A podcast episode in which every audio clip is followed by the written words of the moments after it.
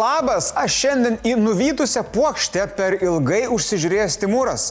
Ant kolegės stalo šiandien sutikau tą sudžiūvusią plokštę. Žiūriu, stovi tokia visa, žinai, susiraičiusi, vanduo pažaliavęs, laukiam abu kažko, žiūrim viens į kitą, kažką taip, žinai, nebylė viens kitam transliavom. Ir tada pagalvojau, kad jau 400, 3-3 karo diena. Nuo to ir pradėkim. Nežinau, kaip jūs mėgojate, bet Ukraina vėl prižadino oro pavojaus sireną. Šį kartą teroristai vėl leido iranetiškus dronus. Iš 26 21 buvo sunaikintas. Orkai apšaudė ir Hersoną. Per dvi atakas žuvo mažiausiai septyni žmonės. Yra sužeistų.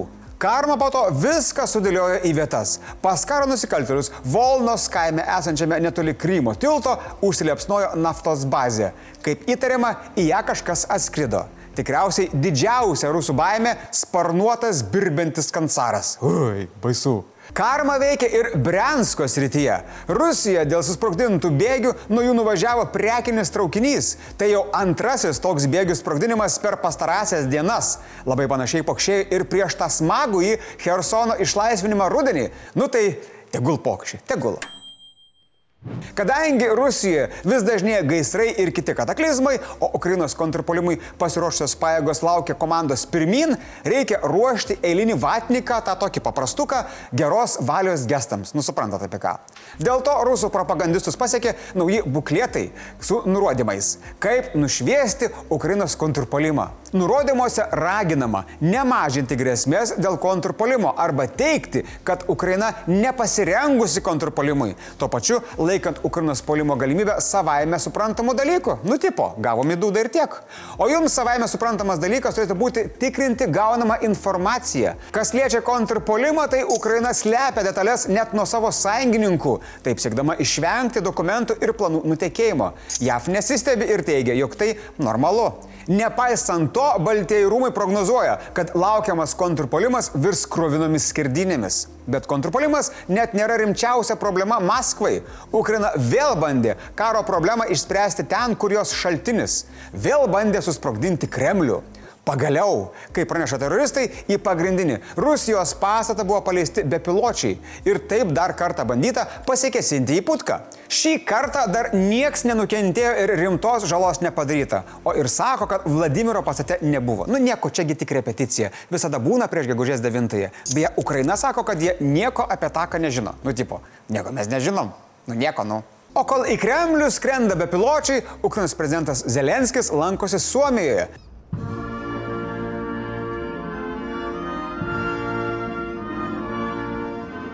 Dar nežinia, kokios mums malonios naujienos pasklis po susitikimų su prezidentu, bet be reikalo Zelenskis jau seniai neskraido. Kažkas gero tikrai bus. Beje, vos spėjo Zelenskis nusileisti Helsinkyje, vokiečių televizija jau anonsuoja galimą jo vizitą į Berliną kitą savaitę. Na, labai įdomus judesiai. Lauksim žinių ir iš ten. Gal jūs kažką nujaučiate arba tikitės, ką iš tų vizitų? Parašykite komentaruose, kad galėtumėte vėliau džiaugtis buvę pranašu, tuo pirmuoju. Nors praėjo daugybė laikų nuo mistinio Nord Stream dujotikio sprogimo, tyrimai vis dar tęsiasi. Šį kartą Skandinavijos šalių atliktas tyrimas nustatė, kad ruskių laivai bent tris kartus lankėsi dujotikio atšakų sprogimų vietose, o vienas iš jų apsilankė likus penkioms dienoms iki driokstelėjimo. Pirmasis iš laivų Birželio 7 rytą išplaukė iš Kaliningrado karinių jūrų pajėgų bazės ir atplaukė į teritoriją į pietryčius nuo Karlskrunos ir į rytus nuo Bornholmo, kur praleido kelias valandas. O ten 80 metrų gilyje guli tas Nord Streamas. Trys iš keturių vėliau vykusių sprogimų įvyko būtent šioje teritorijoje. Tiesiog sutapimas, rusai pasakytų, kaniešna.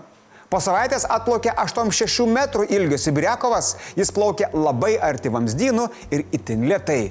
Perfrazuojant klasiką, plaukiam lietai, kad matytųsi vamzdžiai.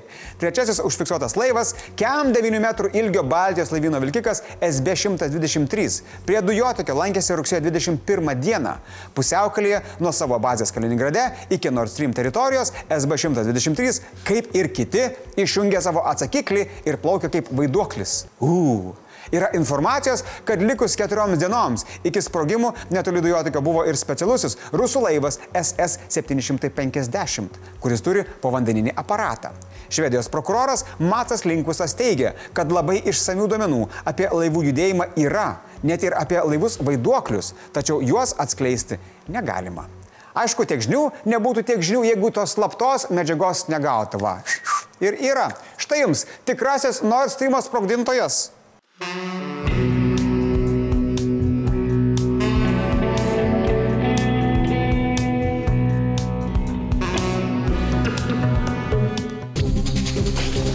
Lietuvą krečia seksualinių nusikaltimų prieš vaikus skandalai. Per pirmosius šių metų mėnesius užfiksuota 212 nusikalstamų veikų. Be to, mokyklose plinta narkotikai. Tai labai sena bėda. Todėl vidaus reikalų, švietimo ir teisingumo ministrės bendroje darbo grupėje sako radusios sprendimus.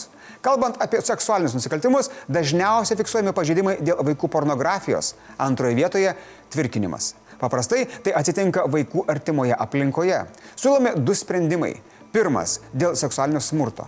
Yra toksai registras, e, kuris vadinamas e, įtariamųjų, kaltinamųjų ir nuteistųjų registras. Tai visai kaip Amerikoje, tik kad institucijos turi tikrinti registre žmonės dirbančius su vaikais. Bėda ta, kad institucijos vengia tai daryti. Kodėl? Aš nežinau. O antras sprendimas dėl narkotikų. Tai naujas prevencijos modelis. Jos mė tokia, kad uh, įvertinus problematiką atitinkamos savivaldybės bus pasiūlomas e, tam tikrų priemonių paketas būtent tai savivaldybei ar tam regionui.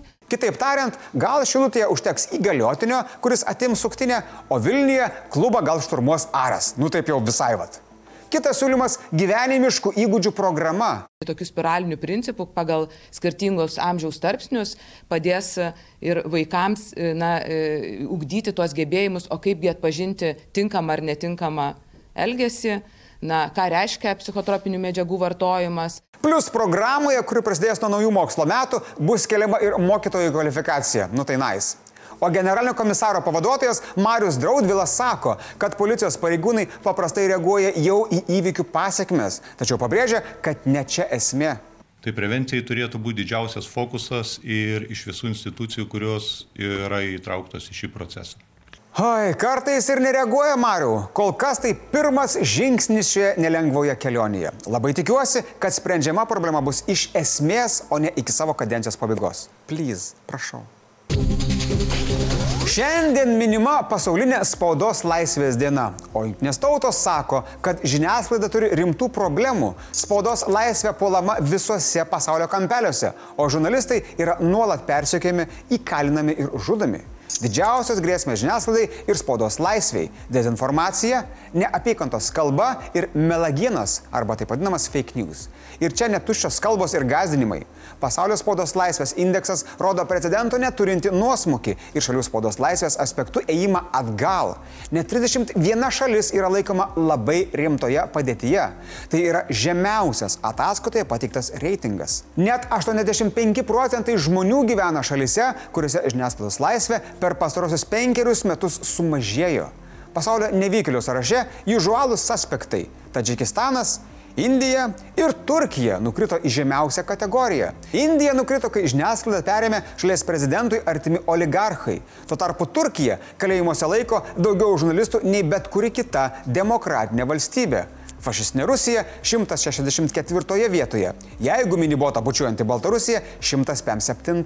Bet galime pasidžiaugti. Lietuva pasaulinėme indekse pakilo į 7 vietą. Mus lenkia reitingė dominuojanti Skandinavija.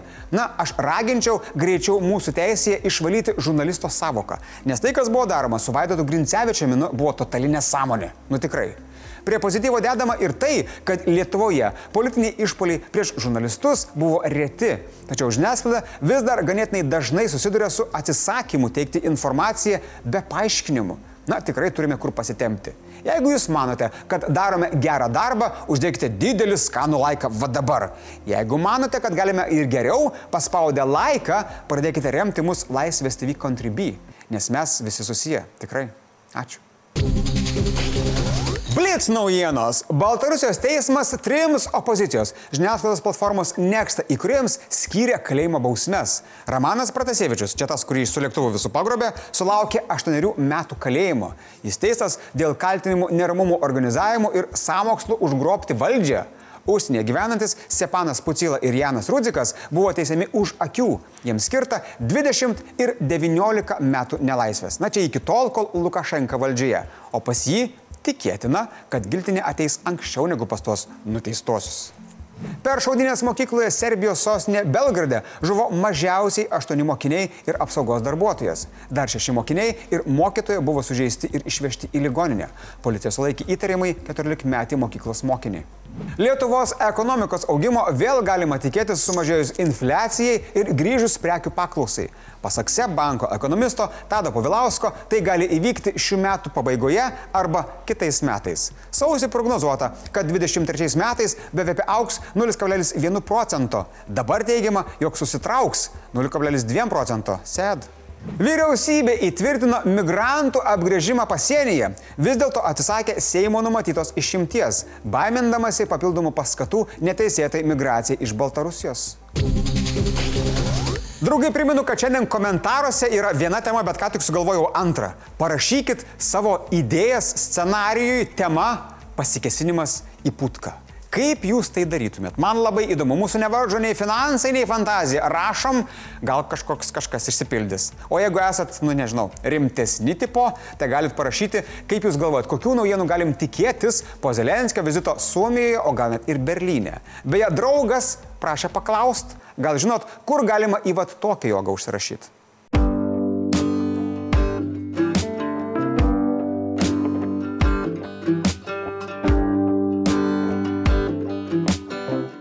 Komentarų apžvalga. Vakar Eglė sulaukė nemažai jūsų komplimentų. Nu, iš šaunuoliai. Žmonės sako, kad labai patobulėjo nuo tada, kai prisijungė prie mūsų kolektyvo. Nu, kaip jums atrodo? Patobulėjo jinai ar ne visai, nu, ta mūsų Eglė? O vartotojui Justin labai patiko tai, kaip Eglė sako. Mmm, komunistas, nice. Ta proga noriu jums visiems išduoti vieną paslaptį. Sklinda kalbos, kad Eglės prieš laidą negrimuoja Ji taip atrodo visada, tarsi vidurį nakties, bet tiesiog. Šiandien tiek žinių. Iki. thank you